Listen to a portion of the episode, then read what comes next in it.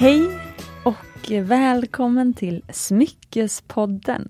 Det här är podden där vi pratar om äkta smycken och ädelstenar på ett enkelt sätt och bryter normer som präglat en annars ganska strikt bransch. Och varmt välkommen till dagens avsnitt där vi ska prata om ädelstenar. Och jag har med mig, inte vem som helst, utan kanske en av Sveriges främsta experter och handlare inom färgstenar. Varmt välkommen Johannes! Tack så mycket! Grymt kul att vara här igen, det var ett tag sedan. Ja, jag tänkte precis ska jag säga eh, Johannes in the field? Nej men det, jag, jag, är, jag är er och flera andra stenspecialist här i Sverige och jag är, behöver inte ha så mycket, liksom, jag vill inte ha så mycket egen marknadsföring. Nej, det är spännande för att ädelstenshandlare, det är lite grann som de som är med i orkestern och som inte här är ehm, frontsångaren i ett band. Alltså du är ju den liksom orkeströren, jag vet inte om, vad det, om det heter så, men du är ju den som gör att vi kan skapa vackra smycken. Jag tycker det är extremt kul, liksom, du och andra som har idéer men jag, jag, sitter här och är nördig och stirrar på, stirrar på råkristaller liksom. Men det är du och andra som har idéerna, vad ni vill göra med det. Sen kommer kunderna och har egna idéer. Och liksom, det jag brinner för är att ta era idéer och liksom se vad jag kan göra för att och gå ut i gruvorna och liksom uppfylla det här. Mm. Och den, den, det äventyret däremellan som kanske inte är så synligt utifrån. Det, det är vad jag brinner för. Så kul! Och du har ju varit på äventyr, du har ju varit in the field. Jag, nu, nu skämtar jag lite grann för att det är nämligen Johannes heter på Instagram Johannes in the field. Och nu idag så ska vi faktiskt föl få följa med på Johannes senaste resa, en tre veckors lång resa till Sri Lanka. Där du gjorde någonting som många, till och med stenhandlare, aldrig har gjort, vilket är att komma direkt till gruvan. Mm. Det är ju otroligt det är det intressanta med hela resan. Varför det ens är svårt. Precis. Varför det ens är en grej. För man tänker ju att Sri Lanka är ett ganska litet land. Alltså åka tvärs över Sri Lanka från ena sidan till den andra. Liksom 40 mil. Det är som Stockholm till Göteborg av, liksom avståndsmässigt. Varför är det svårt i ett land med Statistiken säger att det finns liksom 6000 gruvor. Mm. Varför är det ens, liksom, varför har inte alla stenhandlare gör det hela tiden? Det borde vara billigast, det borde vara liksom roligast. Precis. och göra på det viset. Varför sker det inte så ofta? Precis. Eh, men är det en yrkeshemlighet eller vill du berätta hur du faktiskt fick tillgång till det här? Du berättade det för mig på telefon. Mm. Alltså det, det är en ganska eh, det, det, krävdes, det, krävdes lite målmedvetenhet och lite arbete. Mm. Eh, det var för en Det bör, det bör sägas som, som grund att vanligtvis så är det mellan mellan oss och gruvorna där det bryts Safirer i Sri Lanka så är det inte en, inte två, ofta inte tre utan kanske fyra, fem, sex, sju, åtta, tio mellanhänder. Och det låter jätteilla. Men varje mellanhand har koll på sin grej, har sin specialitet och tar inte nödvändigtvis så mycket liksom högre betalning än kostnaden utan det är ganska vanligt att man kanske tar en liksom 5 emellan och sådär. Så att, att det är många mellanhänder behöver egentligen inte för konsumenterna vara negativt. Utan om vi tar en gruva. Jag tror att en av de roligaste sakerna från våra tidiga avsnitt var den här insikten som är ganska, ganska främmande. Att det som produceras i en gruva det är inte kristallklara ädelstenar. Utan det är som ett råmaterial, som en malm nästan. Det är liksom ett, ett, ett ädelstensgrus där, som sen säljs, ofta per kilo. Där bara liksom några enstaka stenar har ädelstenskvalitet. Mm. Och de som bryter stenarna vet inte riktigt vilka ofta. Så när det väl bryts nära gruvorna då de som är på den nivån har liksom inte kunskapen eller erfarenheten och träningen. De är inte slipare själva. De vet inte vilka stenar som har tillräckligt kristallklara områden inuti för att kunna slipas till vilka saker. Mm. Och därför så är det mer ett liksom råmaterial, nästan man skulle kunna likna det vid en malm som bryts i gruvorna. Och det är sen genom de här mellanhänderna. För då kanske gruvan har avtal med med någon finansiär eller några olika handlare som har signat upp för att liksom, så fort det hittas någonting så köper de vissa saker. Det är kanske en handlare som som, som säger till, som har samarbete med gruvan sedan tio år tillbaka att jag köper alla mjölkigt vita som är så här små. För då kan jag ta dem och värmebehandla och, så att de blir blå och sen så är min specialitet att sälja dem. Som, jag gör dem till små runda stenar och de är de här små blå och det är min specialitet. Och sen en annan mellanhand som säger att är de lite större då kan jag betala mycket mer för dem. Och har den specialiteten. Och någon annan som säger att jag håller inte på med det här med värmebehandling. Jag tar bara de som är liksom rosa, blå och lila redan i gruvan. Och kristallklara så betalar jag jättemycket för dem. Och så har kanske gruvan en tre eller fyra eller fem eller tio olika specialister, specialiserade mellanhänder. Och det är därifrån och det är liksom de första, då får man en första sortering. Och det är en sortering som gruvan hade haft svårt att göra själva. Alltså de, de har hållit på i många år. De är jätteduktiga och supererfarna på vad de gör. Men det här med att hitta de olika marknadssegmenten för de olika sorterna liksom råstenar. Det är inte deras specialitet utan det är mellanhänderna som kommer sen. Förstår. Och om man skulle bara exemplifiera eller jämföra det här med eh, diamanter. Mm. Är det så att, nu är det jag som eh, kanske tänker att det är lite grann så här. Men är det så att när det handlar om diamantgruvor, då är det ofta ett och samma stora företag som har hand om alla de här stegen? Ja, korrekt. Men när det gäller färgstenar, då är det mycket mer som en um, entreprenöriell marknad med många små liksom, egenföretagare. Mm, helt rätt och det finns flera anledningar till det. Dels det första, diamanter, hittas mycket mer diamanter på samma plats för diamanterna bildas i vulkanrör. Mm. Och då finns det, även om man då liksom har en open pit mine, alltså en här, så här stor gruva med maskiner som åker runt. Kanske i vissa fall är liksom en kilometer brett stort hål. Då hittar man väldigt mycket diamanter på en och samma plats. Och även när det är floder, då liksom har de här floderna tagit med sig diamanterna från det gamla nedvittrade vulkanröret skulle man kunna säga. Och då är det ganska mycket diamanter och ganska mycket värde i samma flod. Och då är det liksom värt att investera och värt att strukturera brytningen. Och därför är det mycket lättare för ett företag komma in, få investerare, sköta hela grejen. För det jag undrar, som skulle vara väldigt intressant att höra ditt svar på, det är apropå den här filmen som ligger ute nu på SVT Play. Och där de bland annat så inom citattecken avslöjar att eh, stora diamantföretag har eh, sådana valv nere under jorden mm. med bara diamanter i påsar. Mm. Eh, liksom från golv till tak. Och då tänker jag att ja men det är väl som alla, alltså i en klädbutik, du visar ju inte alla storlekar du har på lager för att det blir bara överväldigande. Alltså, du vill ju helst kanske bara ha en eller två plagg av varje sort framme så folk kan liksom bläddra och det känns mer exklusivt. Alltså, eh, när jag pluggade på Handels, då lärde vi oss att om det, alltså när det är rea, det ska kännas billigt, så därför öser man också på även i merchandising, alltså det här visual merchandising när man eh, liksom, eh, ska exponera kläderna i butiken då vill man nästan att det ska vara lite så här huller om buller eller väldigt mycket plagg och i alla fall, kanske i färgordning men det ska liksom vara väldigt mycket. Men sen så fort det ska kännas exklusivt igen då lägger du tillbaka hälften av plaggen på, rea, äh, på lagret igen. Och så har du mycket färre plagg i butiken för att det som ska se mer ut. Alltså i min värld så tänker jag att det är inte, det är inte jättekonstigt att ha lager under jorden och inte visa upp alla diamanter man har. Men väldigt många tycker det här är väldigt upprörande för att och då är det ju inte exklusivt med diamanter och så vidare. Alltså, vad tänker du kring det här? Min första fråga hade ju varit att eh, hur mycket, alltså det är en stor skillnad på om de har ett lager som kanske är en världsproduktion som motsvarar ett års världsproduktion. Mm. Då är inte det så himla stor andel av diamanterna i världen som existerar. Eller om de har ett lager som är eh, 50 gånger världsproduktionen under ett år. Då, då kan man ju tala om att det är ett ett väldigt, väldigt stort lager som man liksom kan, eh, kan liksom anpassa marknaden ut efter. Ja. Men, men jag misstänker att de har inte så många gånger ett års världsproduktion i lager. Det kan jag inte tänka mig. Ja, jag förstår. Eh, när du säger världsproduktion så menar du den mängd som bryts nya ur gruvorna det året? Mm, precis, jag tror att det är 130 miljoner karat eller något sånt där per år som bryts. Ja okej. Okay.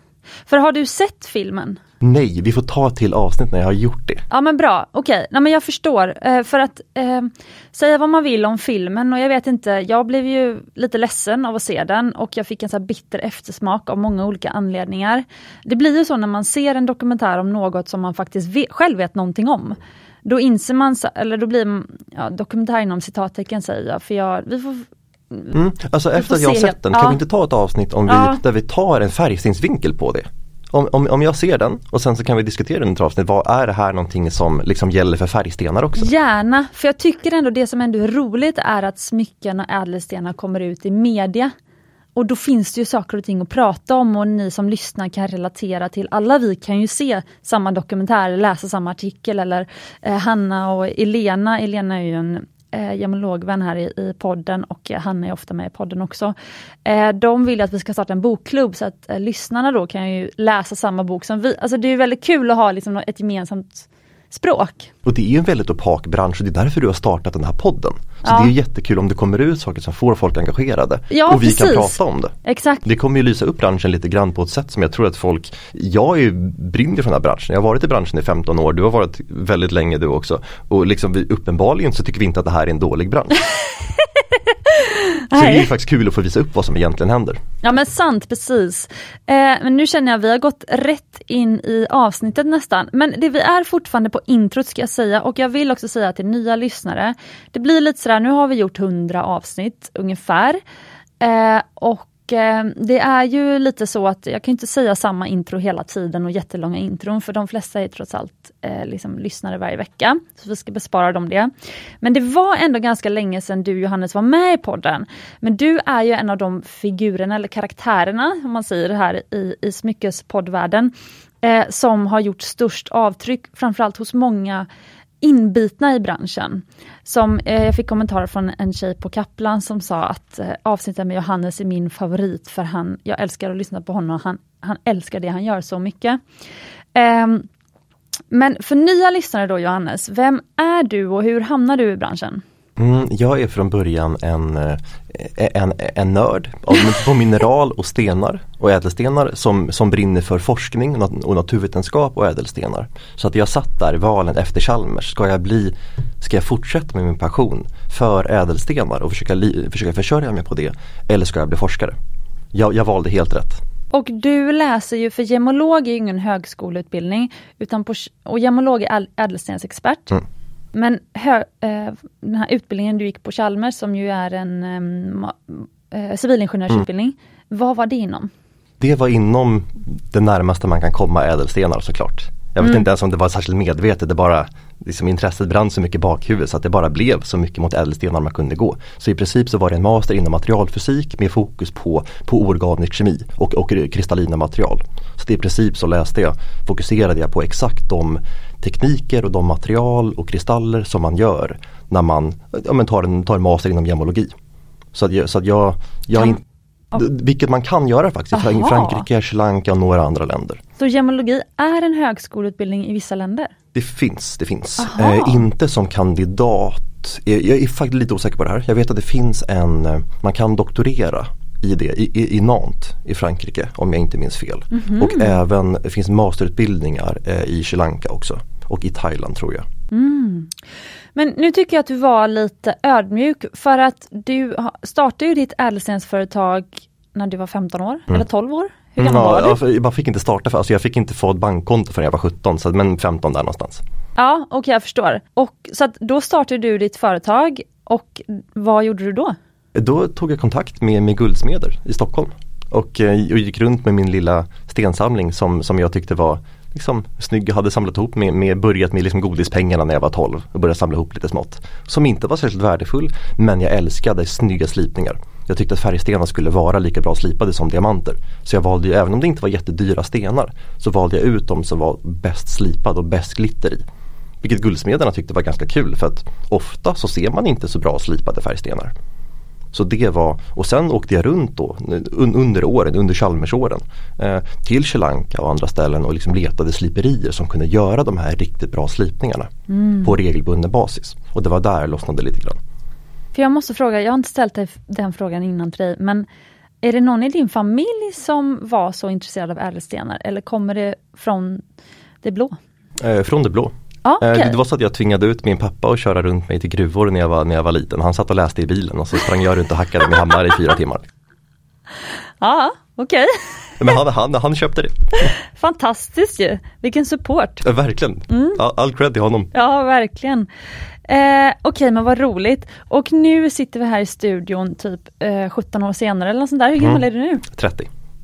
Ja, 15 år senare då. Mm, exakt. Mm, Okej, och, och du har tagit med dig hur mycket härliga srilankesiska safirer som helst. Ja. Eh, jag kommer faktiskt dela massa extra material på Smyckespoddens Instagram säger jag redan nu.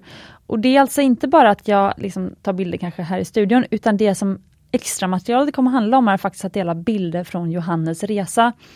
Så nu kommer vi få på riktigt en, kanske en, faktiskt en riktig dokumentär av hur det ser ut när man letar ädelstenar runt om i världen. Det där mytomspunna som typ ingen av oss vet faktiskt. Mm.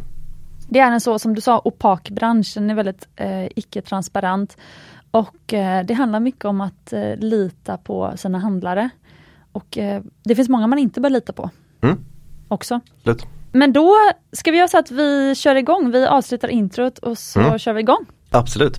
Jag kan ta, ta upp de stenarna som du kanske kan lägga ut en bild på senare. Det, det roliga med det här är att de, de stenarna som jag faktiskt kommer gå i förlust på som var de sämsta inköpen. Det var det som jag köpte direkt ifrån gruvorna. Oj, Och de oj, oj. bästa inköpen var det som var från de som hade flest mellanhänder. Oj oj oj, vilken cliffhanger. Mm. Så nu kör vi igång.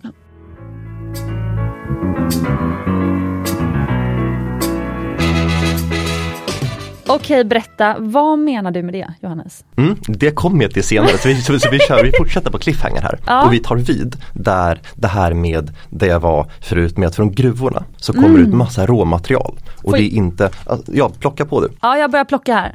Jag lyssnar och plockar samtidigt. Mhm. Mm. Här är de som var direkt ifrån gruvan, en liten samling med konstiga geometriska blå. Mm. Så det var de här som jag kommer gå i ungefär dubbel förlust på.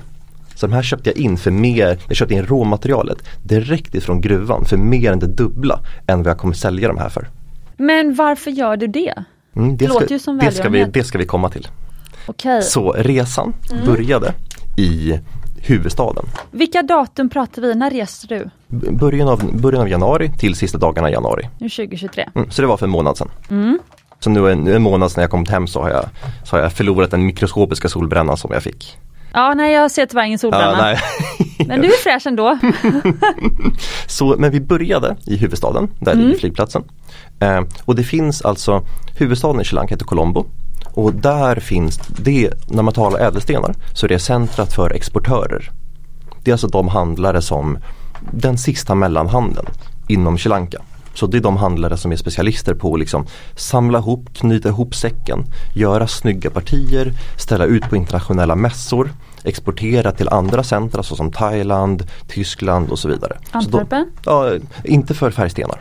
Nej, det är bara Det är diamanter, diamanter, i ja. Antwerpen. Eh, så mest Thailand. Så mycket exporten går till Thailand.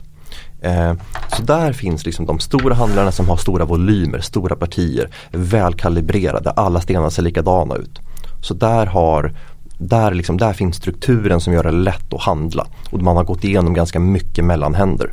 Och många där kanske säger att det är ja, men någon enstaka mellanhand. Men jag skulle säga att ganska ofta så är det ett antal så kallade brokers emellan gruvorna som är specialiserade på olika saker. Jag skulle säga att ofta liksom fem plus mellanhänder mellan gruvorna och exportörerna i Colombo. Och, och där så har vi ganska nära Colombo, i en by utanför, så har vi vårt huvudsakliga sliperi. Med ungefär tio slipare. Eh, och där, så, och den familjen, det är lite familjeägt sliperi som faktiskt mest ans- primärt anställer kvinnor och det är en kvinna som, som ansvarar för det hela också. Eh, jätte, jätteduktiga. Och det var det sliperiet som jag hittade när jag var ungefär 18. Och som jag har Ah, jobbat med okej. länge så vi har liksom utvecklats tillsammans. De är helt underbara. Gud vad kul. Eh, och den, den familjen som, som faktiskt drivit det här sedan 80-talet.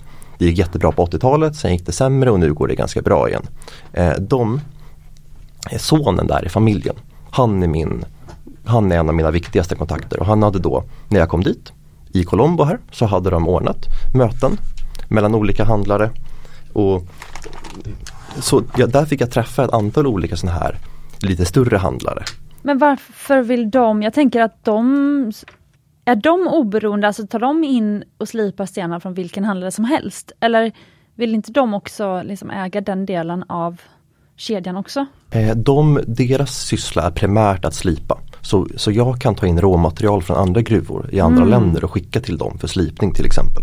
Ah, vilket vi ofta okay. gör. Så, så Perfekt ju. Så en hel del, så all, alla era jättevackra blågröna turmaliner. Som, När som du säger har. era menar du Mumbai Stockholm? Ja exakt. Så oh. alla era snickerblågröna de här små i, mm. i angel rings. Och så. Ja de säljer ju slut så snabbt, mm. alltid. Mm. Och de är slipade där allihopa. Ja, men de kommer inte nödvändigtvis från, eh, utan du skickar dem från då? Exakt, så, så, just i det där fallet så var det, så var det söder, sydvästra Nigeria. Ja, okej. Okay. Eh, och sen skickar vi dem dit för, för den bästa möjliga ah, slipningen. Mm.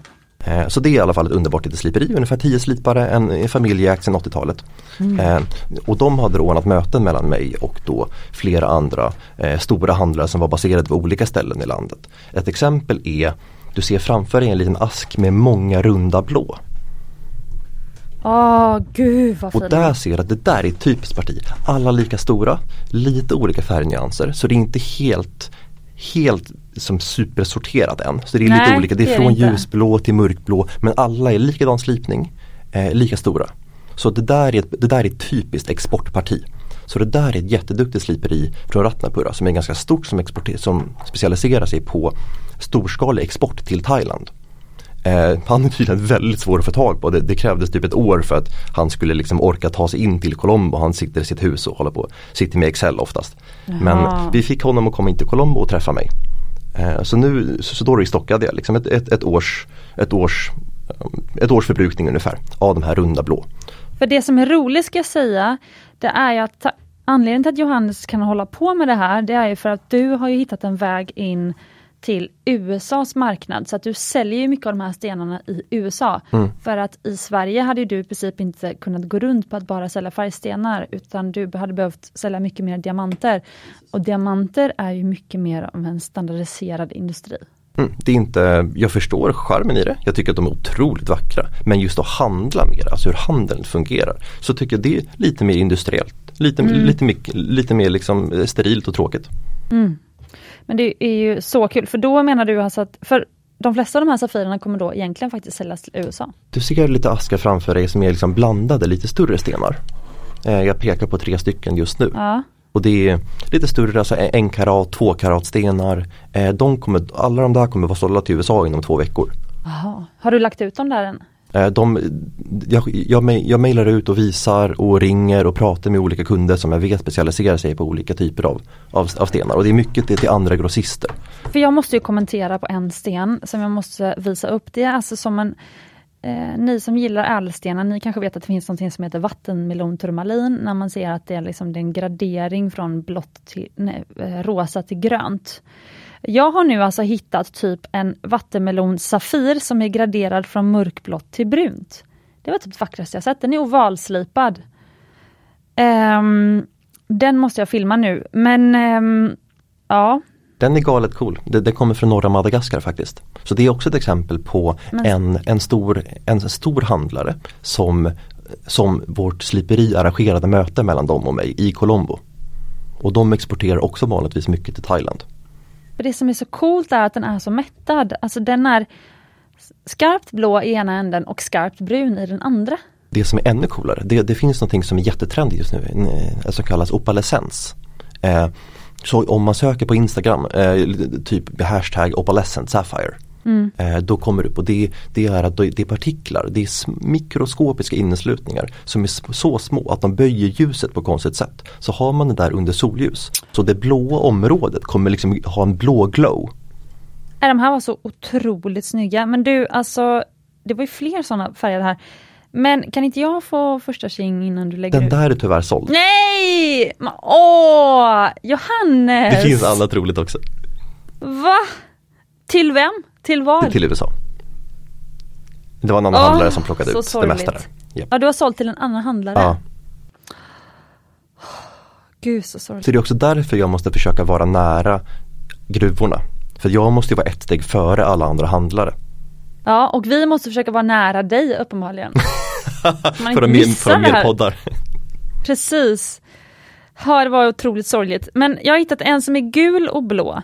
Är den också såld? Den ser ut att vara, det är inte arsleslipning men den, den är, påminner om en arseslipning. Den är typ gul, ja den är lite blå men den är nästan gulsvart. Ja, det kanske den är. Det är Mm. mörkgrå, det är jätte, jättecool färg. Är den Nej den är, den är inte såld. Men det är en jätte, för de brukar vara, det är vanligare att hitta gul och grön till exempel. Den där är det närmaste jag någonsin sett gul och svart. Mm. Den, var, den var ball. Mm. Lite modig färg kanske, jag tror att folk kan gilla den men kanske få vågar köpa den. Du får kan- ta ett foto ja. sen så att de, alla som lyssnar hänger, hänger med. Ja, ja, ja absolut. Nej men vi får inte gå in för mycket här på specifika, det blir kanske inte så kul att lyssna Ja, på. tillbaka till resan. Ja men alltså vad händer då? För att du flyger dit och sen eh, hade du möte med den här eh, handlaren som sliperikillen hade lyckats Mm, fixa. Precis, så då hade vi mötena. arrangerat några nyckelmöten. Det ena var att jag behövde fylla på. Eh, många av andra handlare som jag säljer till har, har behov av, av flerfärgade och så kallade teal, blågröna safirer från norra Madagaskar. Och då är det en, en, en familj som specialiserar sig på import därifrån och slipar i Sri Lanka som är ganska stora. Så jag har arrangerat ett möte med dem i huvudstaden Colombo. Och sen de här runda blå.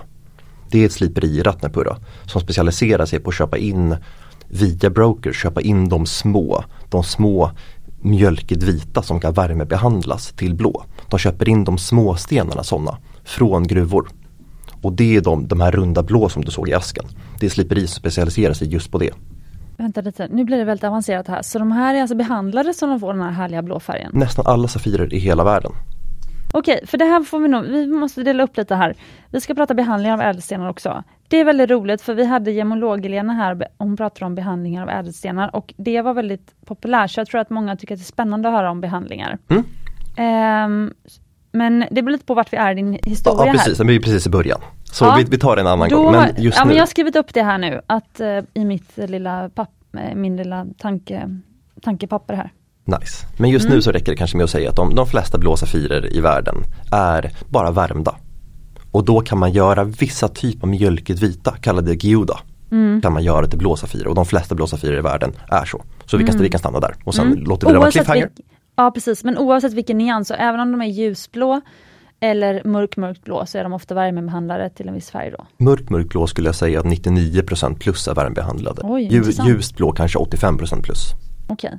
Men eh, de flesta safirer är väl ändå blåa när de hittas? Nej, de flesta är vita, vitaktiga när de hittas. Så du kommer få bilder på råstenar från gruvorna. De allra flesta är blekt gula vita. Okej, wow, här lär man sig. Ja, okej. Och, Mm. de, och några enstaka är blå, rosa, violetta. Och Mm. inga är gröngula. Åh, sorgligt! Så att Det trodde du, jag. så om du, ganska ofta kan man se på internetsidor att liksom de här grönblå safirer och grönaktigt och lime, lime gulgröna safirer att de är från Sri Lanka. Nej, inte sant. De vet inte vad de talar om eller så ljuger de. Eh, det existerar inte. Men vi kan ju ändå ofta, ganska ofta få, ja men det här är en obehandlad safir. Mm. Men är den då värmebehandlad menar du? Nej, då är det ingenting. Då har jag kämpat lite grann för att hitta de som är verkligen obehandlade. Ja precis, tack. Precis så. Så det, och det är alltså bara några procent av alla safirer i världen. Ja, förstår.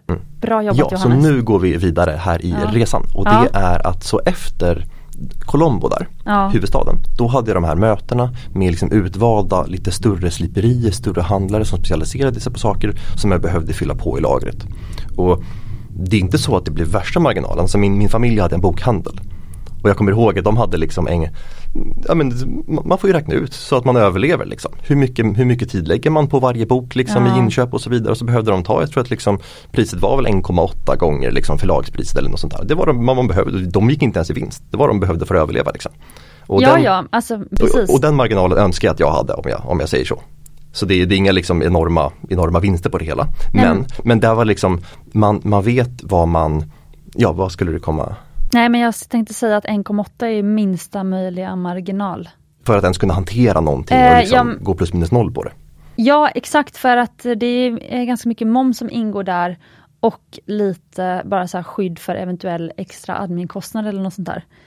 Verkligen. Nej men så det var en, som sagt, de gick inte ens i vinst. Så det, Nej, det var verkligen, så det var en låg siffra liksom. Så det var inte så bra business. Nej, men, eh, men, men, men i och med att jag säljer ganska mycket till andra handlare så kan jag hålla låga marginaler. Ja just det, det blir mellanhand då. Mm, mm. Precis. Så det är snarare en kommission nästan som man tar då liksom. Precis. Eh, men i alla fall så efter de här, att ha haft de här viktiga mötena i Colombo eh, med andra handlare som de har liksom sorterat. Det är som sagt några mellansteg mellan dem och gruvorna. Så liksom materialet som de visade mig, de här mötena i huvudstaden. De har sorterat sitt material, de vet precis vad de har, de vet kostnaderna, de vet kvaliteterna. De har sorterat och, och liksom vet själva vilken kvalitet och vilken kostnadsnivå de tänker sig för varje sten. Och stenarna är redan, har redan gått igenom behandlingsstegen? Ja, exakt. Alltid. De är slipade? De är redo för att exporteras. Ja, redo för att eh, sätta sig i smycken? Ja, det mm. kanske inte helt sorterade. Till exempel de här asken med runda blå som du har framför dig. De är som sagt blandade färg. De är ljusblå till mörkblå, de här runda blå. Eller hur? Ja det är de. Eh, och när de då exporteras till Thailand, där kommer sliperierna, där kommer handlarna sortera färg också. Så de är inte helt färdiga. Så sliperier i Thailand kommer köpa de här och sen kommer de sortera i specifika färgnyanser. Mm. Så det, det, är inte, det är inte liksom helt färdigt om man säger så. Så jag, jag kom in lite grann, lite under sista steget. Förstår. Eh, men i alla fall, så där kan man liksom köpa in större kvantiteter, de har jättebra koll på kvaliteten, jag har bra koll på kvaliteten eh, och det är ganska lätt att komma överens.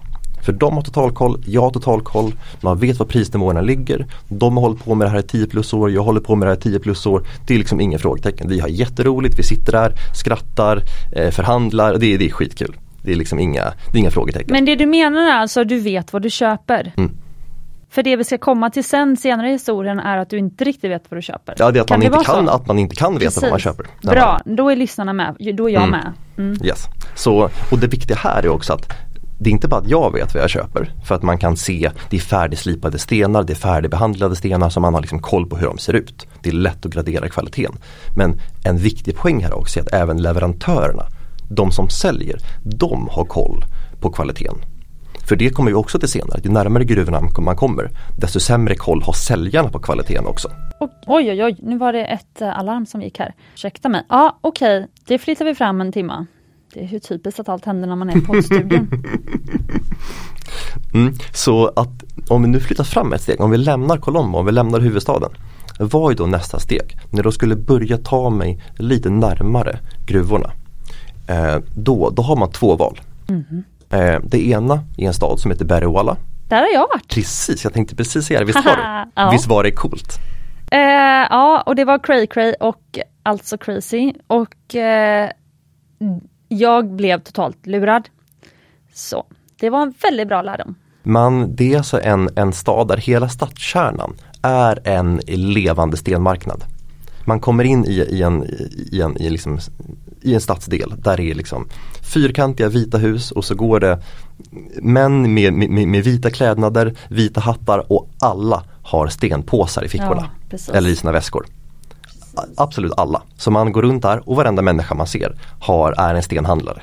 Det är helt, bara den grejen är helt galen.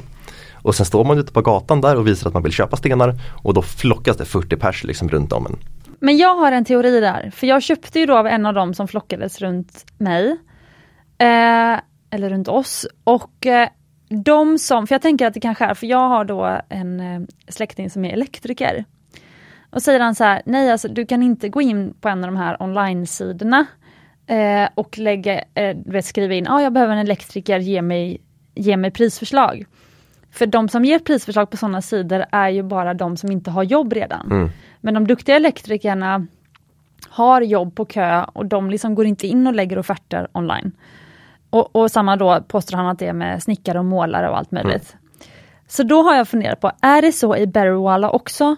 Att de som behöver stå utanför byggnaderna och eh, handla med stenar, att de är de sämsta, de har de sämsta stenarna och de kanske oftast också har de stenarna som är fejk.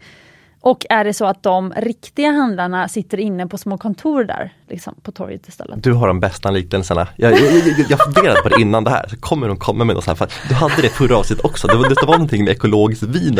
Jag, ja. kommer, jag kommer inte ens ihåg vad du liknade vin, jag kommer bara ihåg din liknelse. Fantastiskt, um, absolut, den här var klockren.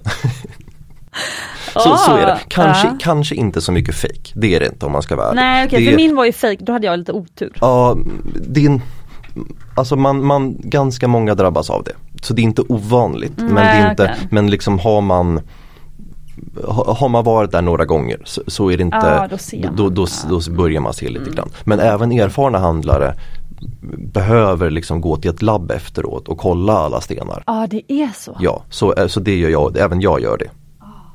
Ehm, så i alla fall man, man kommer dit, 40 pers flockas runt om en ehm, och det är precis som du säger, det här är de stenarna som de här, alltså som de här regelbundna exportörerna som sitter och har sina specialiteter, Ja. de köper in, exporterar, köper in, exporterar. Det är det som de inte vill ha. Ja. Eh, så det samlas ute på de här liksom mer informella marknaderna. Mm. Sen finns det bra stenar där också men om jag åker till Berwala då, eh, då kommer jag att köpa in och, jag säger till exempel att okej nu har vi behov av eh, rosa, peach, ljusblå safirer, Mm. eh, en till två karat och så kollar jag bara på sådana för då kommer folk med de påsarna liksom. Nu får ni höra då ni lyssnare, då kan ni gissa vad som är trendigt i USA nu. Mm. Det är rosa peach, en karat safira låter det som. Det är En faktiskt till två karat. för, för mig så är det, det bästa för mig just nu är, är en till en och en halv, uppåt två karat. Mm. Eh, peach, teal, alltså blågröna och bicolor, party color med liksom roliga färger. Ja precis, det är det det heter. Mm. Det här, mm, de som jag också har valt ut här nu som tyvärr än är såld. Men ehm, vilken slipning måste jag fråga, är, är det som är lättast för dig att sälja vidare till USA? Eller som är eh, mest eh, åtråvärd just nu? Eh, det börjar bli väldigt hett med, eh, med lite mer om man ska tala standardslipningar då, då börjar dropps, droppslipningar börja bli ganska heta igen. Jaha. Eh, efter att ha varit ganska, men på normal nivå ganska länge. Runda är alltid efterfrågade. Lätt, lätt i örhängen och så vidare. Nu börjar det komma in lite mer oregelbundna former, eh, att man kanske anpassar för, för råstenens form och då har olika personer, olika handlare har olika liksom, strategier för att anpassa till råstenens form. Vi gör ganska mycket geometriska liksom, former med kanske tolvsidiga sköldformer och saker som är Det är vissa handlare i USA som köper in allt vi producerar liksom, av sånt. Eh, Men andra kanske har att de gör liksom mjuka konstiga former och vissa gör rosenstenslipningar i konstiga former och så, men så anpassat till mer råstenens form. Det börjar bli en trend. Det är ju härligt. Mm, verkligen, Min, mindre waste liksom. Precis, för, precis mindre svinn helt enkelt i slipningsprocessen. Precis. Okej, ja, så, men, så det var Berwala, det Ja. hade varit mitt, liksom det ena valet om man, kom, om man vill komma ett steg närmare liksom ja, men ett steg tidigare i leverantörskedjan. En, en mellanhand mindre liksom. mm, Eh, så antingen kan man åka till Berwala och det är alltså en gammal stad som, som arabiska, arabiska köpmän grundade. Kanske 700-800 år sedan, någonting sånt. Och det är alltså, här märker man hur djupt traditionerna sitter i Sri Lanka. Både i gruvbrytning men också i handeln. Och det är alltså fortfarande är det, eh, är det den muslimska communityn som, har, som sköter handeln i Berwala för det är hin, eh, hinduism i... Eh, Eh, De flesta är buddhister så majoritetsbefolkningen är, eh, eh, kallas sinaleser. just det, det, det skiljer från Indien. Mm, exakt. Ah, Så det är sinaleser som är majoritetsbefolkningen och de är majoritet i Colombo och sådär också. Men just i köp, liksom hand, stenhandelscommunityn i den här gamla arabiska köpmannastaden Berwala längs kusten. Där är det, där är det är liksom den muslimska communityn som sköter slipning, värmebehandling, allt. De har liksom en, en, en egen liten community och det, det, sker- handel mellan grupperna också. Men, men det är liksom majoriteten där är muslimer. Och det andra valet som man har om man vill komma närmare gruvorna det är att åka inåt landet till en stad som är känd som kallas Ratnapura. Så det är traditionellt, alltså flera tusen år gammalt. Det, namnet betyder till och med eh, City of Gems. Och var du där också? Ja, så, men jag, så, det är valen man har om man ska liksom ett steg närmare gruvorna. Ja. Ett, steg, ett steg tillbaka i leverantörskedjan. Att åka antingen till Berwala eller Ratnapura. I, för i Ratnapura finns också en sån här marknad. Och också handlare och sliperier precis som i, i, i Berwala. I Ratnapura där, där är det Sinales eh, majoritets så där är liksom den gamla brytningen. Så där, där, är liksom, där var det brytning och produktion och slipning redan innan arabiska köpmän började komma in till Sri Lanka. Och såg du någon skillnad bland på kvalitet på ädelstenar eller sort ädelstenar som kanske såldes på de två olika ställena? Det- Fick du någon favoritmarknad? Eh, Berwala är mer handelsbaserad. Där sker ing, i och med att där är inte gruvorna i närheten utan gruvorna är i, i Ratnapura-distriktet. Eh, så, så även i Berwala, så där åker man kanske till, till gruvorna runt om i, i liksom Ratnapura-regionen. och köper in råmaterial. Eller flyger till Madagaskar, flyger till Tanzania och köper in men det är ganska handelsbaserat. Sen sker det mycket slipning och sådär också. Men i Ratnapura, där är, där är fokus lite närmare produktion. Det är lite mer slipning, lite mindre handel. Mm. Så det är mer, lite mer produktionsbaserat, lite närmare gruvorna. Mm. Så jag åkte till Ratnapura. Mm -hmm. Men inte, och jag spanade in marknaden lite grann. Men inte heller där köpte jag faktiskt någonting. Eh, utan jag ville komma ännu lite, för det är fortfarande, man kommer lite närmare, alltså det är ett par leverantörskedjesteg ner liksom. Men det är fortfarande för, för många mellanhänder mellan den marknaden och gruvorna. Så att man ska, för att man ska kunna veta exakt vilken gruva det kommer ifrån. Mm. Så det är närmare gruvorna men man kan fortfarande inte ställa frågan liksom exakt var kommer de här ifrån och de vet svaret. Det, det kan man inte göra. Lustigt. Fast det är samma distrikt liksom. Alltså så, det... så många mellan, små mellanhänder är i den här branschen. Liksom. Men jag måste förstå, är det för att man är mer fokuserad på att sälja jämna partier av en viss färg till exempel? Så att man då, alltså de som är mellanhänder mellan gruvorna, de, de liksom samlar upp då alla blåa i en viss nyans, alla rosa i en viss nyans och så vidare. Och så liksom blandar man runt och så kan man liksom inte ID-märka varje sten så sen vet man inte vilken gruva som Mm. Det, det, är grejen i Colombo. Så mm. det, det steget sker eh, hos de större sliperierna i Ratnapura eller hos exportörerna i Colombo eller till och med senare i Thailand. Så det här med att, de, att man inte kan liksom identifiera platsen för att man sorterar i färg och sådär. Det som sker innan i till exempel Ratnapura det är att man försöker hitta de, man har kanske en viss specialitet, eh, att man vill ha liksom rena stenar eller inneslutna stenar under en karat eller över en karat och sen helt enkelt plockar man ihop de bästa dealsen från olika brokers och gruvor mm-hmm. som passar in i sin specialitet. För det är ändå det här som är lite lurigt. Alltså det är ju inte som apropå vin och sånt där, det är ju inte som att märka vinflaskor.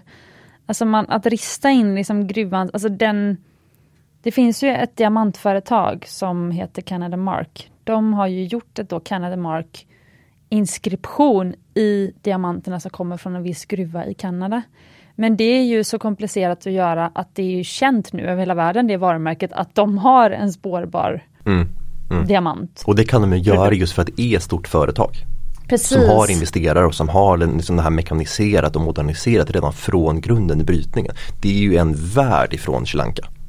Ja, för Sri Lanka är ju väldigt mycket Alltså jag skulle säga att även handeln, alltså känslan var ju som att man var på ett torg på liksom 1700-talet. Mm.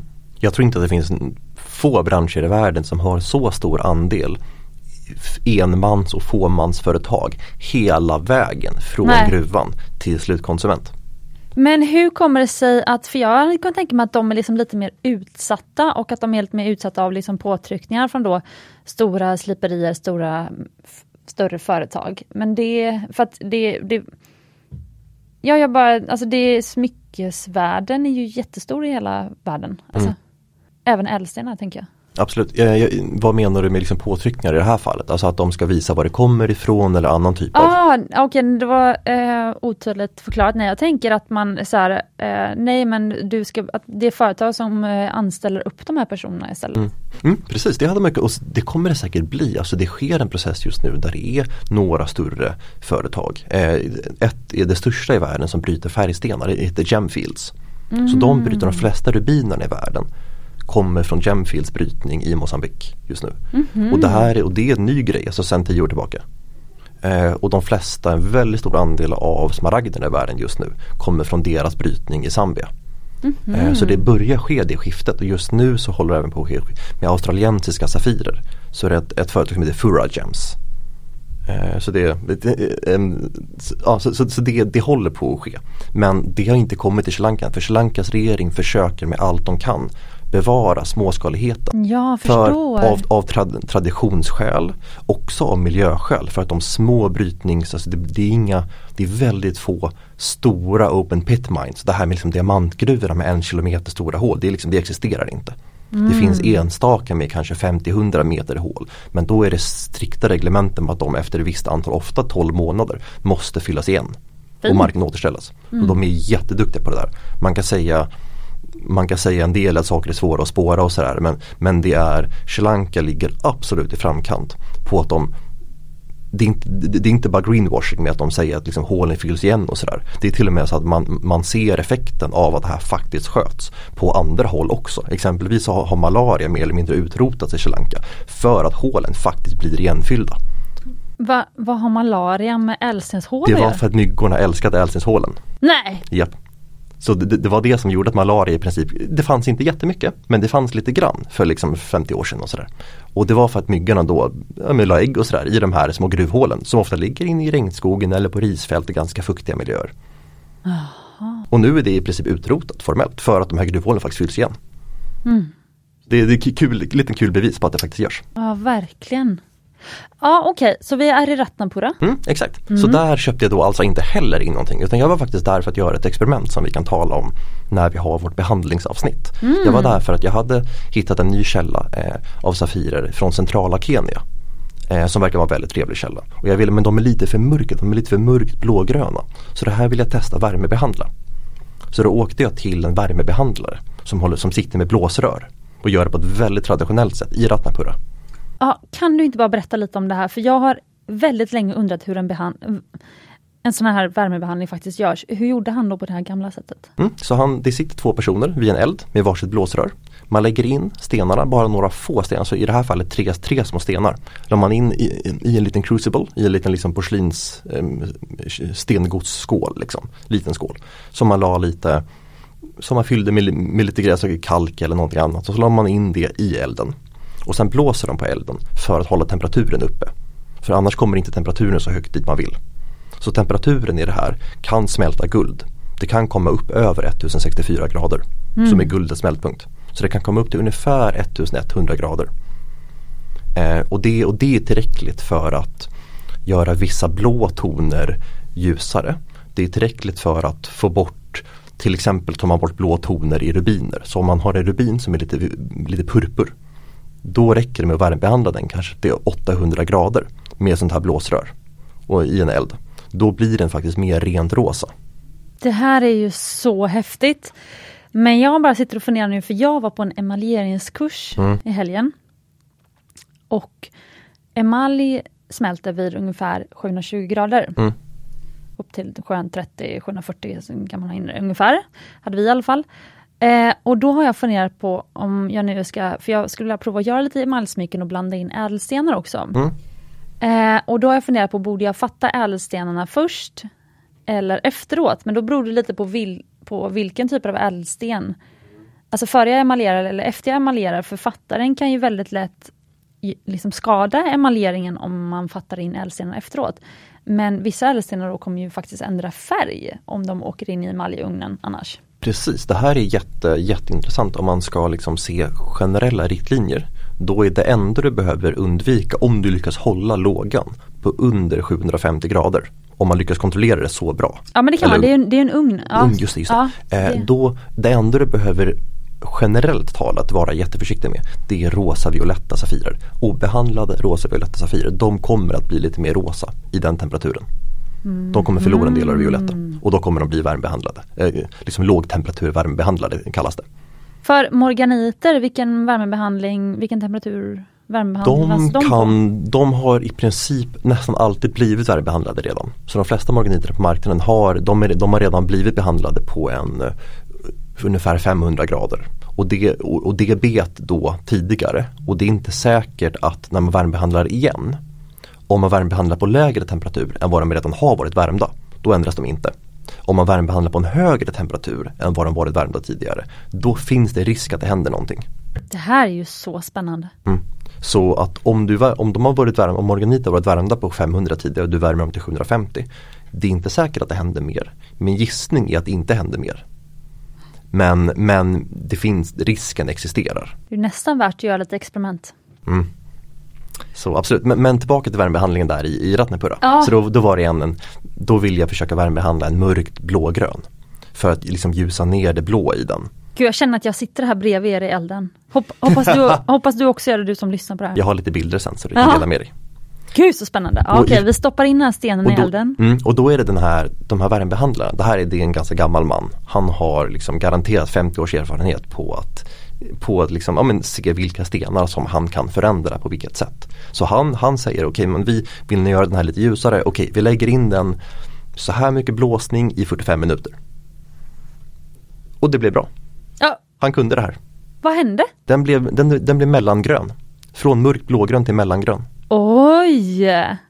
Så nu kan du då sälja den dyrare än vad du kunde innan värmebehandlingen? Ja, kanske, jag kanske hade kunnat försöka sälja den till samma pris förut men det hade varit svårare att sälja den. Ja. För att den var lite, lite mörk och svåranvänd. Liksom. Så, så jag, jag, brukar inte öka priset i det här fallet utan mer att de blir snabbare att sälja. Ja, ja, nej, ja. ja men jag förstår. Alltid utbud och efterfrågan. Mm. Och hur länge man pallar vänta på Exakt. Alltså ibland, det här är lite förs, en affärshemlighet då. Men ibland så säger jag till Fanny, säger så här, vet du vad? För hon är den som räknar ut alla våra priser. Om, om det är någon one of a kind så mycket. Så kan man säga, men vet du vad? Sänk, sänk marginalen, lita på den. Så hamnar vi under du vet, en threshold, så hamnar man under typ 20 000 eller man hamnar under 30 000 eller sånt där. Så att liksom, man vill heller liksom att inte ligga med den så länge på lager. Mm. Men sånt är lite kul. Mm. Men vi får komma tillbaka till det här med värmebehandlingar mer ja, kanske. Ja verkligen, det, här var jättekul att få en liten Mm. inblick. Mm. Det sista jag kan säga där är att det är inte den temperaturen man kommer till. Det där 1100 max. Det är inte tillräckligt högt för att göra vita safirer, vita mjölkiga safirer blå. Nej, Utan okej. då behöver man 1200 plus. Mm. Så det har man gjort först sedan 70-talet. Så senaste tusen åren, då är det enda man har kunnat göra är det här att man har gjort rubiner, mindre purpur och sådär. Mhm. Men vilken temperatur är det i en vanlig eld?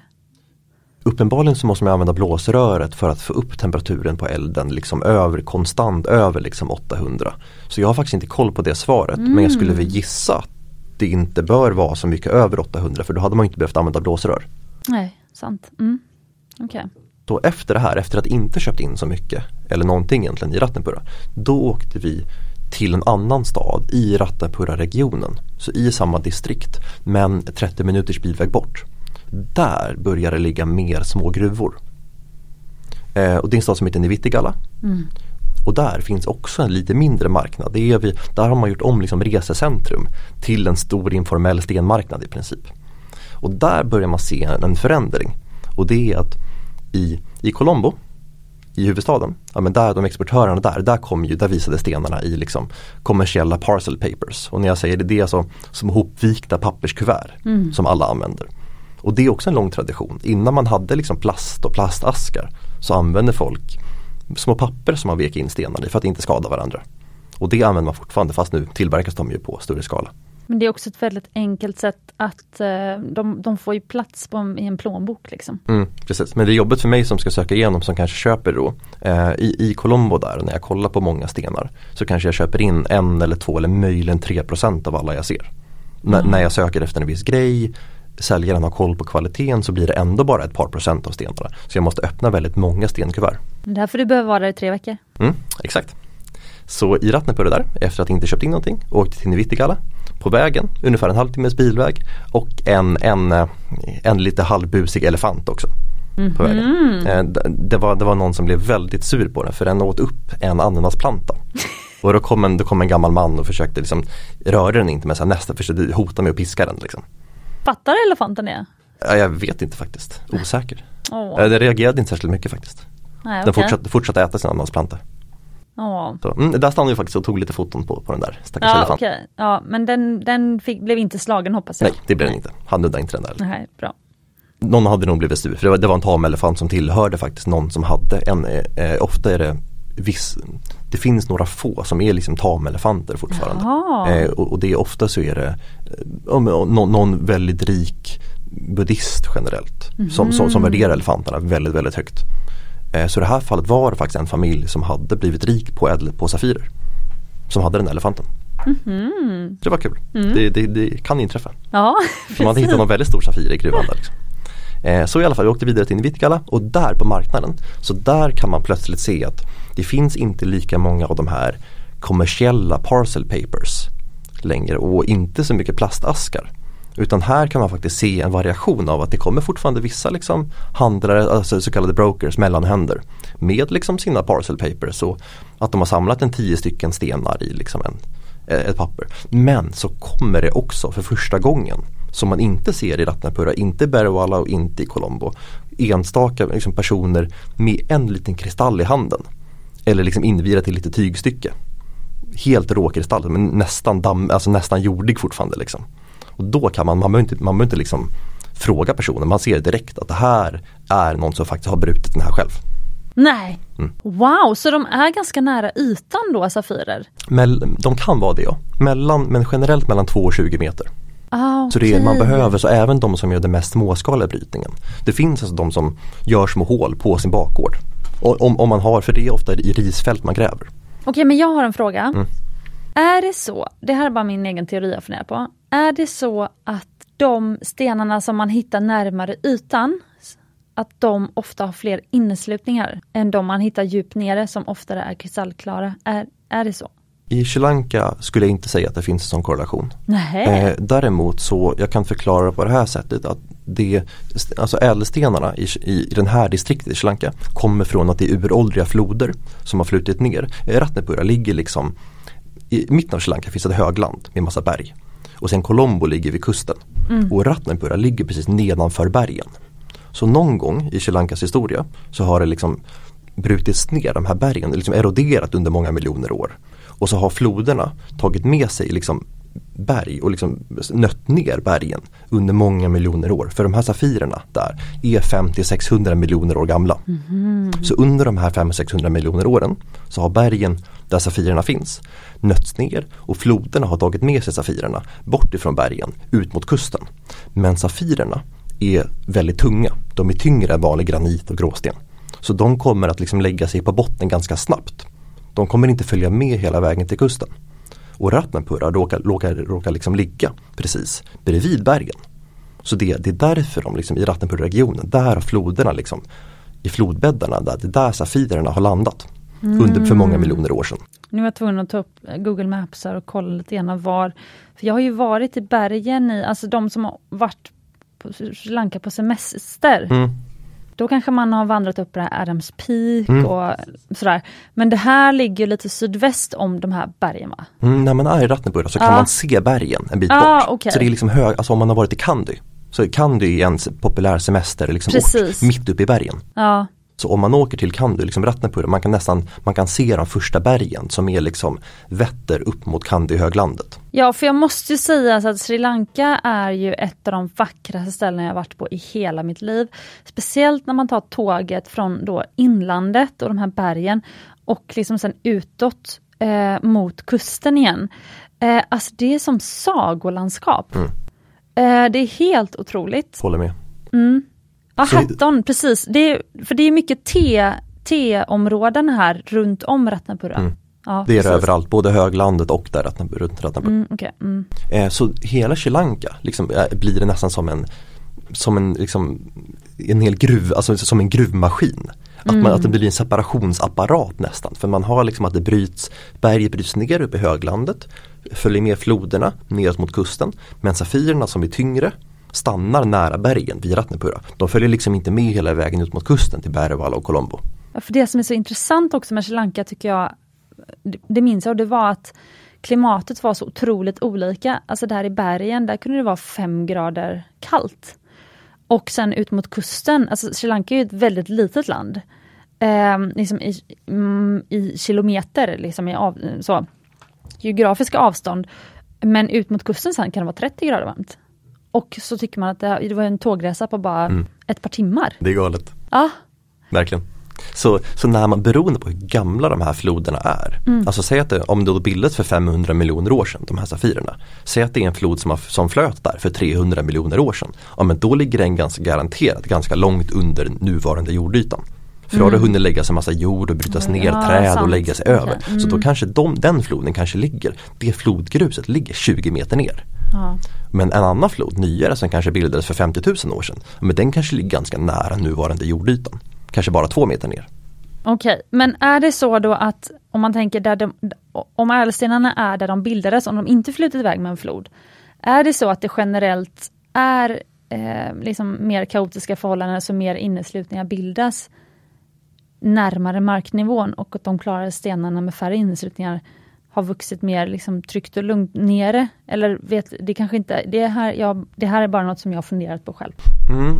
Det, det går vet du. inte Nej. riktigt att säga så. Samtidigt så Nej. jag, jag dröjde länge med att fråga för att det finns fall där det är så. Så till exempel i en smaragdgruva som vi, som vi bidrar till till att driva i Tanzania. Dröjde Där- länge med att svara, förlåt. Eh, ja, så jag dröjde länge med att svara för, Ah. det, för att jag tänkte, jag tänkte efter. Ja. För det finns vissa enstaka fall där du har rätt. Ja, okej. Eh, bland annat en smaragdgruva som vi bidrar till, till att driva i Tanzania. Där, där stämmer det.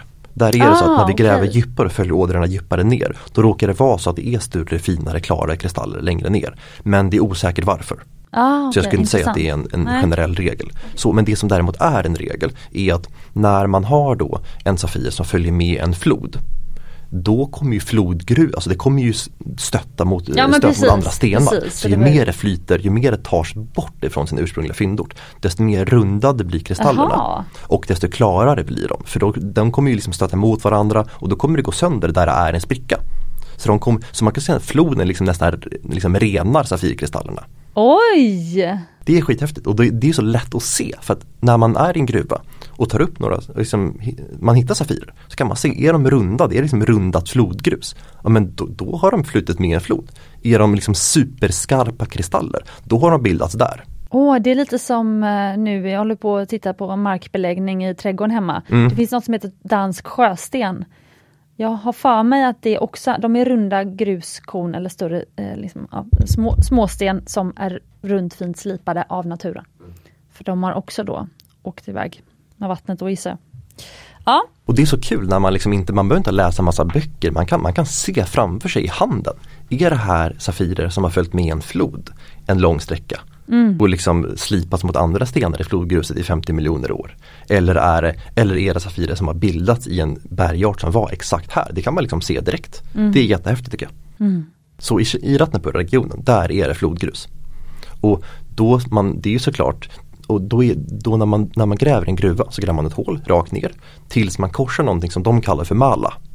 Eh, Jag vet inte hur det stavas men, men de uttalar det mala. Och det är alltså det, det är en, da, ett lager där man ser att flodgruset har legat för länge sedan. Så det är där Safirer kan finnas. Så det är gammalt, ett liksom lager av gammalt eventuellt Safirförande flodgrus. Och det är de man försöker komma ner till. Men sen är det klart att det är liksom Alltså saker, saker sker, jord, jord vänds upp och ner och det blåser och det regnar och liksom, så det är klart att vissa Safirer liksom bland, jordlagren blandas ju om under årens gång. Så det är klart att det finns några små Safirer liksom högre upp också. Det är inte bara i de här Mala-lagren som det finns. Så att det finns också småskaliga eh, liksom ännu väldigt småskaliga gruvor. Som i princip några, en person eller två som gräver på sin egen bakgård eller vid någon liten flodkrök på deras egen mark. Som då kanske bara gräver en till två meter. Och deras chans att hitta någonting det är om de antingen hittar en mala från en ganska ny flod. Eh, som kanske bara fanns för liksom inte 50 miljoner år sedan utan lite mer, lite mer nyligen. Eller om de hittar liksom en liten flodkrök på sin mark i en modern flod. Eller om de hittar ja, men enstaka safirer att det kanske finns en mala längre ner. Men att jorden har blandats om och att enstaka små safirer har kommit upp till jordlager högre upp. Ja. Men jag fråga, använder de en del av de här ädelstenarna själva till smycken? Mm. Ja det gör de. För, för en av ehm, de här, ehm, ja det, eh, det som den här filmen, de här kriti, kritiken, ja en del av kritiken som den här filmen som vi pratade om i början av avsnittet tar upp angående diamantslipning. Och säger de så här, ja men du, de, de som sitter och slipar de här diamanterna får aldrig chans att äga en. Vad säger du om det här på Sri Lanka? Det skulle alltså kanske just de som, de som bryter stenar, de är fortfarande inte, inte utfattiga som att de är liksom under fattighetsgränsen internationellt. Men de är fortfarande liksom bland, bland, de, bland de fattigare i Sri Lanka. Men de, det är väl i princip srilankesiska bönder? Ja precis, det är ofta, precis, det är ofta bönder, så det är ofta deltidsbönder. Ja. De, jag skulle säga att de, jag, jag tror att Gia gjorde någon, åkte och gjorde ett liksom mer formellt reportage i Sri Lanka. Och där de skrev att de flesta är deltidsbönder som håller på med det här. Men ser du srilankeserna, alltså ser du dem själva, att åh de har vackra ringar eller vackra halsband. Alltså för i Indien då där jag Mm. har eh, liksom spenderat eh, mycket tid. Eh, där, alltså jag började med Mumbai Stockholm där för att folk, alltså de bär ju så otroligt mycket vackra smycken, både oäkta och äkta. Eh, men upplever du att det är så i Sri Lanka också? Absolut, och även männen bär, bär mer Ja, ringar. sant, bär mycket mer smycken än vi gör. Verkligen. Mm. Halsband och ganska många träffade av män bara, bara liksom, ja, men guldringar, små eller stora. Mm. Så det var, det var rätt häftigt. Ja, inspirerande. Mm, verkligen. Du bär fortfarande ingen sten. Nej jag får skärpa mig till nästa gång. Får designa något till dig. Du får påminna mig varje gång. Sen någon gång Ja men du har smycken? eh, När jag har en liten små pins eller något sånt där. Inte Mm. så, inte så. Faktiskt med någon sten som jag slipat själv. Liksom. Såklart. Eh, men så då, på den här Nivittigalla-marknaden, nära de här små, där det börjar finnas mycket sådana här små gruvor. Ja. Och marknaden där det faktiskt kom fram folk med liksom små kristaller de ganska uppenbart hade hittat själva. Och man kan också se att det faktiskt är gruvägare till de här liksom medelsmå gruvorna med kanske ett, ett team på åtta personer eller så. Eller de här super small scale som liksom gräver i sin egen bakgård typ. Eh, så båda de sorterna liksom fanns där på marknaden. Köpte du något av någon som har grävt själv? Så? Ja. Så, Nej. Så, så, så, det, så de grejerna, det, det gör vi hela tiden. Eh, så det verksamheten vi har där är att vi har en slipare som, som bor i området. Har vuxit upp där. Han, hans far höll på med stenbranschen i Nivittigalla medan det fortfarande var väldigt litet där. Eh, och han har liksom vuxit upp och när han var barn så lekte han runt i Safirgruvorna. Liksom. Så han, han känner alla. Så, han, så, han, så alla de här geometriska coola formerna som vi har, det är liksom hans inköp från små gruvor runt om där. Och det gör vi liksom varje månad. Eh, Eh, Okej, nu ser jag på klockan här och som vanligt när jag har Johannes i studion så är det ju för trevligt. Men eh, klockan rinner ju iväg lite granna. Men vi måste eh, börja snart tänka på refrängen. Hur ska vi lägga upp det här? Du, du som äger historien eh, Johannes. mm, Så hur ska, vi, hur ska vi lägga upp det här nu föreslår du? jag tror att vi kan komma till en slutsats ganska, ganska snabbt. Ah, okej, och, och det är att jag eh, på den Inevittigalla här så köpte jag i princip ingenting heller. För att vi har ändå slipare där som köper in regelbundet. Och om, om jag hade kommit där och träffat alla hans vänner och satt priserna själv och jag hade bestämt allting. Det tycker inte jag är att visa respekt för, för sliparen som gör det här dagligen och det är hans arbete.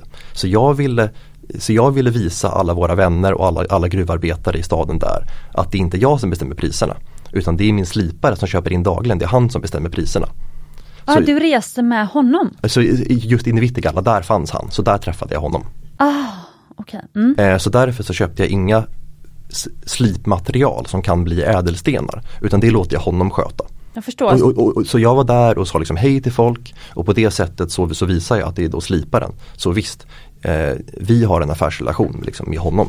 Och jag hälsar gärna på alla liksom, våra vänner som bryter och så där. Men, men, jag låter honom, liksom, det är han som har högsta authorityn vad gäller att köpa in. Han visar upp sin slutkund bara genom att du är där. I princip och visar att han har bra köpare och kom till mig för jag har bra kanaler för att sälja. Men det är han som sätter priserna. Och då, sen diskuterar jag prislistor med honom. Okej. Så, så, så löser jag det. Så jag, jag vill liksom inte gå för att om jag börjar köpa in där då kommer alla direkt se att okej, så när de träffar honom en vecka senare så kommer de säga men hallå den här killen som var här för en vecka sedan han betalade ju ganska mycket för den där stenen så var den kvaliteten. Så kommer man börja ifrågasätta saker. Så, men det jag köpte in var att jag köpte in kristaller som, som var från folk som hade bara dem i handen eller som hade hittat liksom en kristall. Köpte jag in ganska många för, för bara, bara liksom samples. Vi ska se, jag tror jag tog, jag kan visa det sen efteråt. Du kan ta något, någon bild till alla som lyssnar Ja. sen. För jag har med mig några i, i liksom, så jag visa. Eh, så efter det här i alla fall, så, så här började vi komma lite närmare gruvorna och köpte fortfarande inte in så mycket. Och hade jag köpt in, då hade priserna blivit för höga. För, de, för man börjar komma här till en effekt. Det här som jag sa precis i början med att det, inte bara, det handlar inte bara om att jag ska ha koll på vad jag köper. Det handlar om att om säljarna inte har koll på exakt vad de har, om inte de har koll på exakta kvaliteten, vilket de inte kan ha när det är en komplicerad kristall. Ja, när det är oslipat. Mm, precis, när det är oslipat, det är en kristall med lite inneslutningar i, den har konstig form. Jag ska visa för er poddlyssnare, alltså ni kommer inte tro att det är sant när ni ser en oslipad Safir. Safirkristall som ser ut som ungefär sten, fi, fint grus eller och när ni sen ser en färdigslipad ädelsten. Det kräver ett otroligt erfaret öga. Mm. Så på marknaden där, om, så när, när jag träffade då de som hade brutit kristaller själva och liksom tillsammans med min slipare för, för skojs skull liksom, frågade dem om priserna och sådär. Så det är inte bara att de säger höga priser för att oj, här kommer en europé. Utan de har stenar, till exempel såna här vita mjölkiga som kan värmebehandlas till blå. Och om de inte vet exakt vad som kommer hända med den här stenen då förutsätter de alltid såklart bästa möjliga bästa möjliga utfall. Mm. Det är klart man gör det. Man har, hittat, man har liksom lagt massa arbete på att hitta den här stenen. Det är klart att de vill och förväntar sig att den här kommer bli jättesnyggt blå när världen behandlar. Vilket den kan bli men kanske inte blir. Men de såklart förväntar sig att den blir det. De ser inte de mikroskopiska inneslutningarna som sitter på dåliga ställen i stenen. Eh, eller vill inte se dem. Och det är jättesvårt för mig i den situationen. Som dessutom inte har en långvarig relation med dem.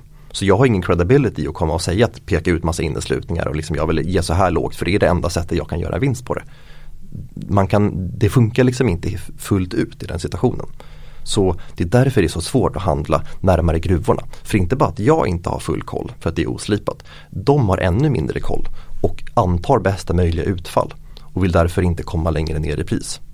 Ja, de vill inte ta risk. Nej, de förutsätter alltid att det är bästa möjliga utfall. Så de kanske behåller stenen i en vecka och upptäcker att buden blir inte högre än liksom längre ner. Och sen, kanske de säljer, och, och sen inser de efter en vecka att okej okay, men stenen alla säger så här, det kanske är så. Och då går de med på att sälja den billigt. Det är lite som att sälja på Blocket. Ja, man så chansar på så här, ja någon vill ha den här stolen för 2000 spänn. Så bara nej. Exakt, men precis, det är en fin antikvitet från min mormors mor. Den har lite skavanker där. Ja. Och sen efter att det kommit 10 pers och påpekat att okej okay, det här är en välkänd liksom, formgivare men de här skavankerna gör att det, det är inte mer värt än så här. Precis. Och efter att 10 har kommit och sagt samma sak då börjar du inse att ja, precis. samma sak. Ja. Så, så det, var, det hade varit svårt för mig att köpa in till bättre pris där. Hade jag köpt in där då hade priset blivit högre än i Colombo.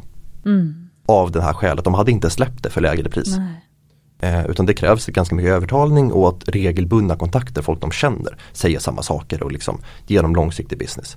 Och sen efter att ha varit där i några dagar och träffat massa gruvor och åkt runt eh, och diskuterat med sliparen många saker.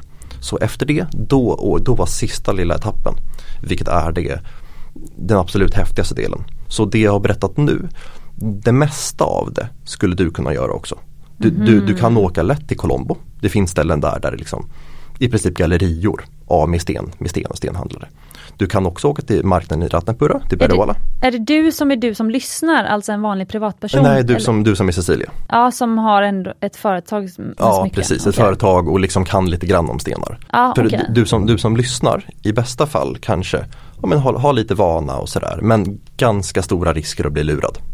Ja okej okay. men, eh, men mm, precis, så det, men, beror, det beror lite på vad du har för, om mm. du jobbar i branschen du som lyssnar. Eller? Exakt, men mm. även, även ni som lyssnar. Det finns ställen i Colombo.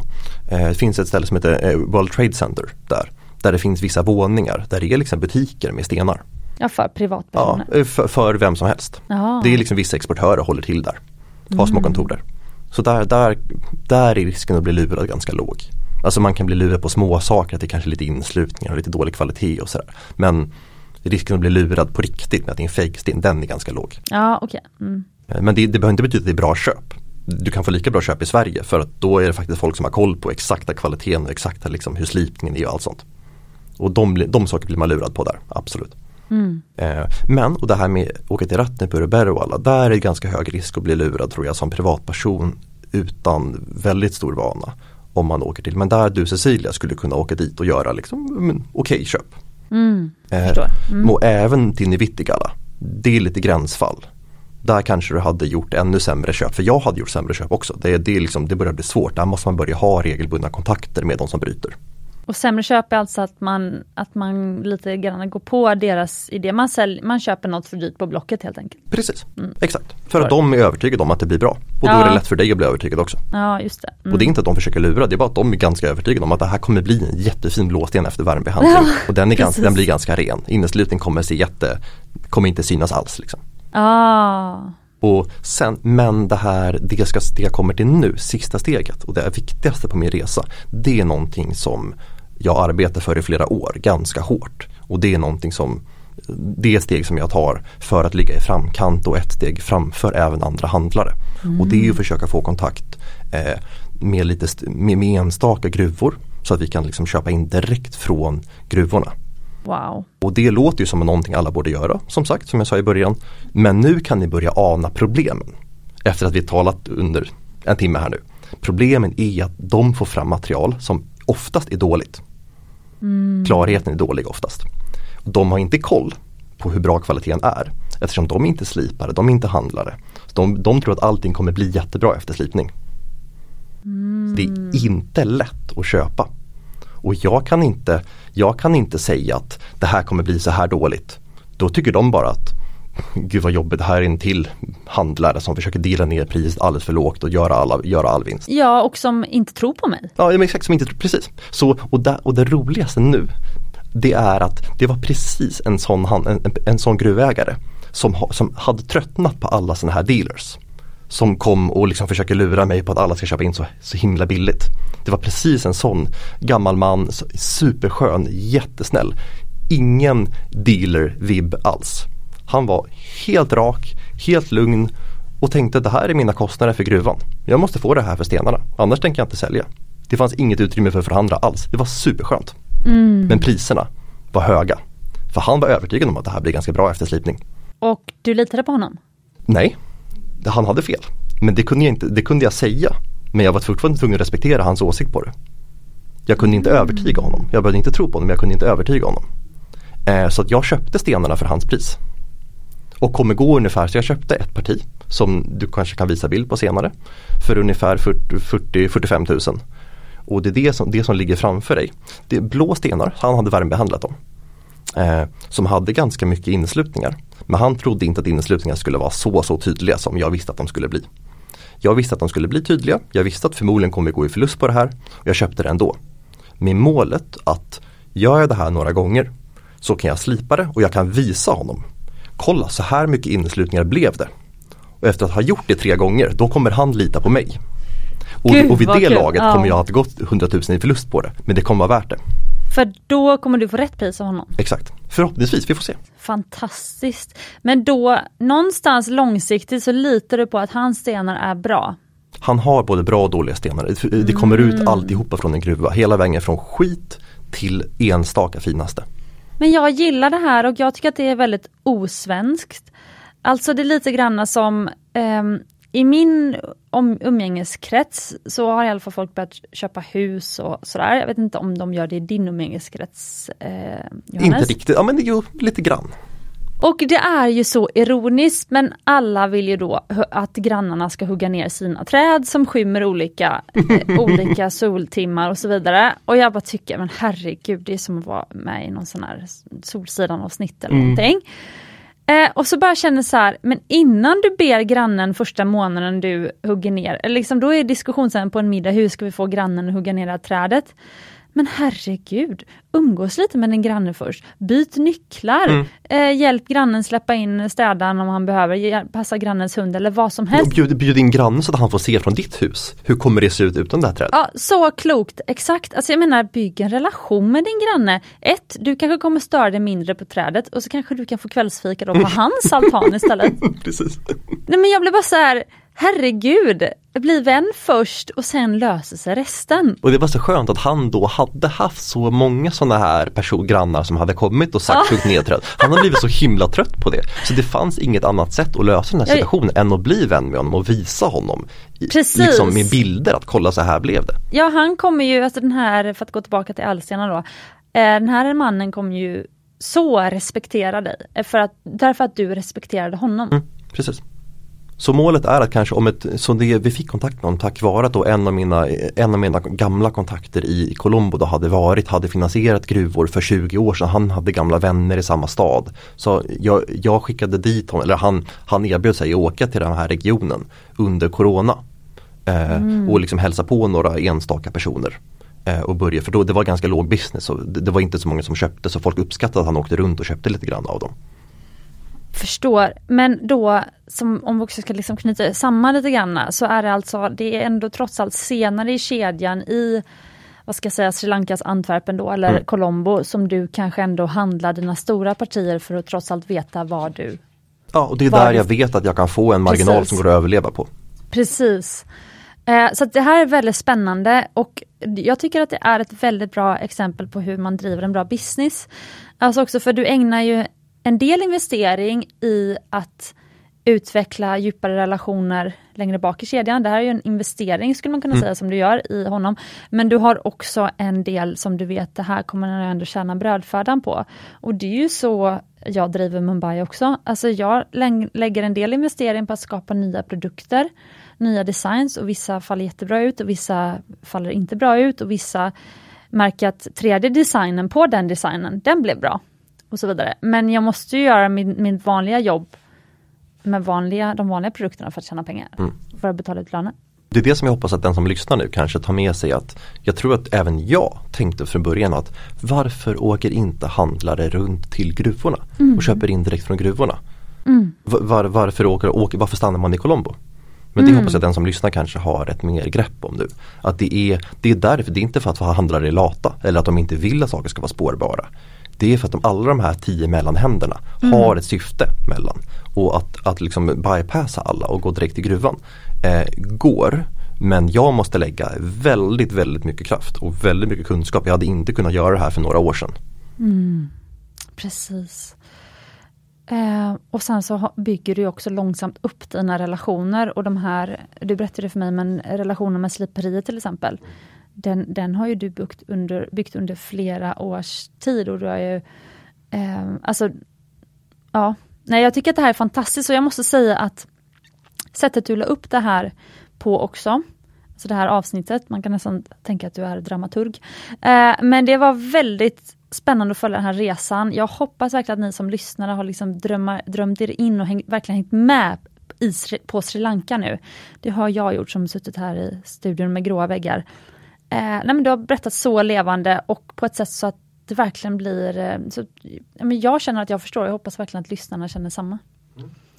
Ja, så vi har fått vara nu ädelstenshandlare under en dryg timme.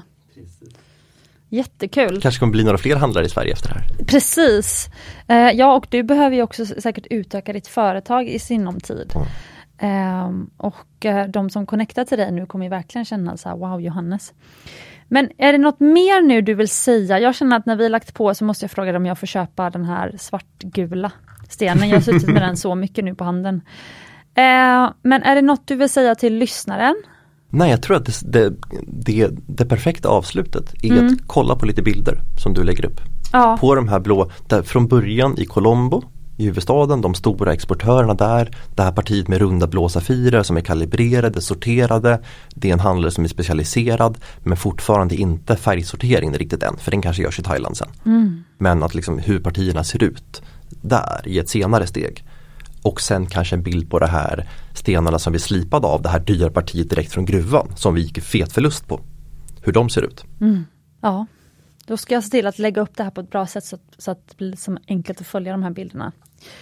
Eh, det får inte bli, overload heller, då vet man inte vad man, ska, Nej. vad man ska titta på nästan. Så jag ska försöka göra ett bra urval. Eh, men ehm, Stort tack Johannes för att du kom hit. Tack så mycket själv. Det var efterlängtat att vara tillbaka. Eh, ni som vill lyssna på fler avsnitt med Johannes, bläddra långt bak eh, bland de tidiga poddavsnitten så kommer de finnas där. Eh, och eh, Johannes, eh, jag hoppas att du vill komma tillbaka snart igen. Gud ja. Eh, vi har haft en hel del eh, frågeavsnitt med Johannes, så du som har frågor du vill ställa till Johannes, skriv dem till Smyckespoddens DM. Eh, så kan jag ta upp dem nästa gång Johannes kommer till studion. Superroligt. Mm. Hoppas det blir många. Ja, jag med. Och eh, då återstår det bara för oss att önska dig som lyssnar en riktigt härlig dag. Och eh, ja, fortsätt älska ädelstenar. Absolut. Och glöm inte att du framförallt är värd äkta smycken och ädla stenar. Thank you.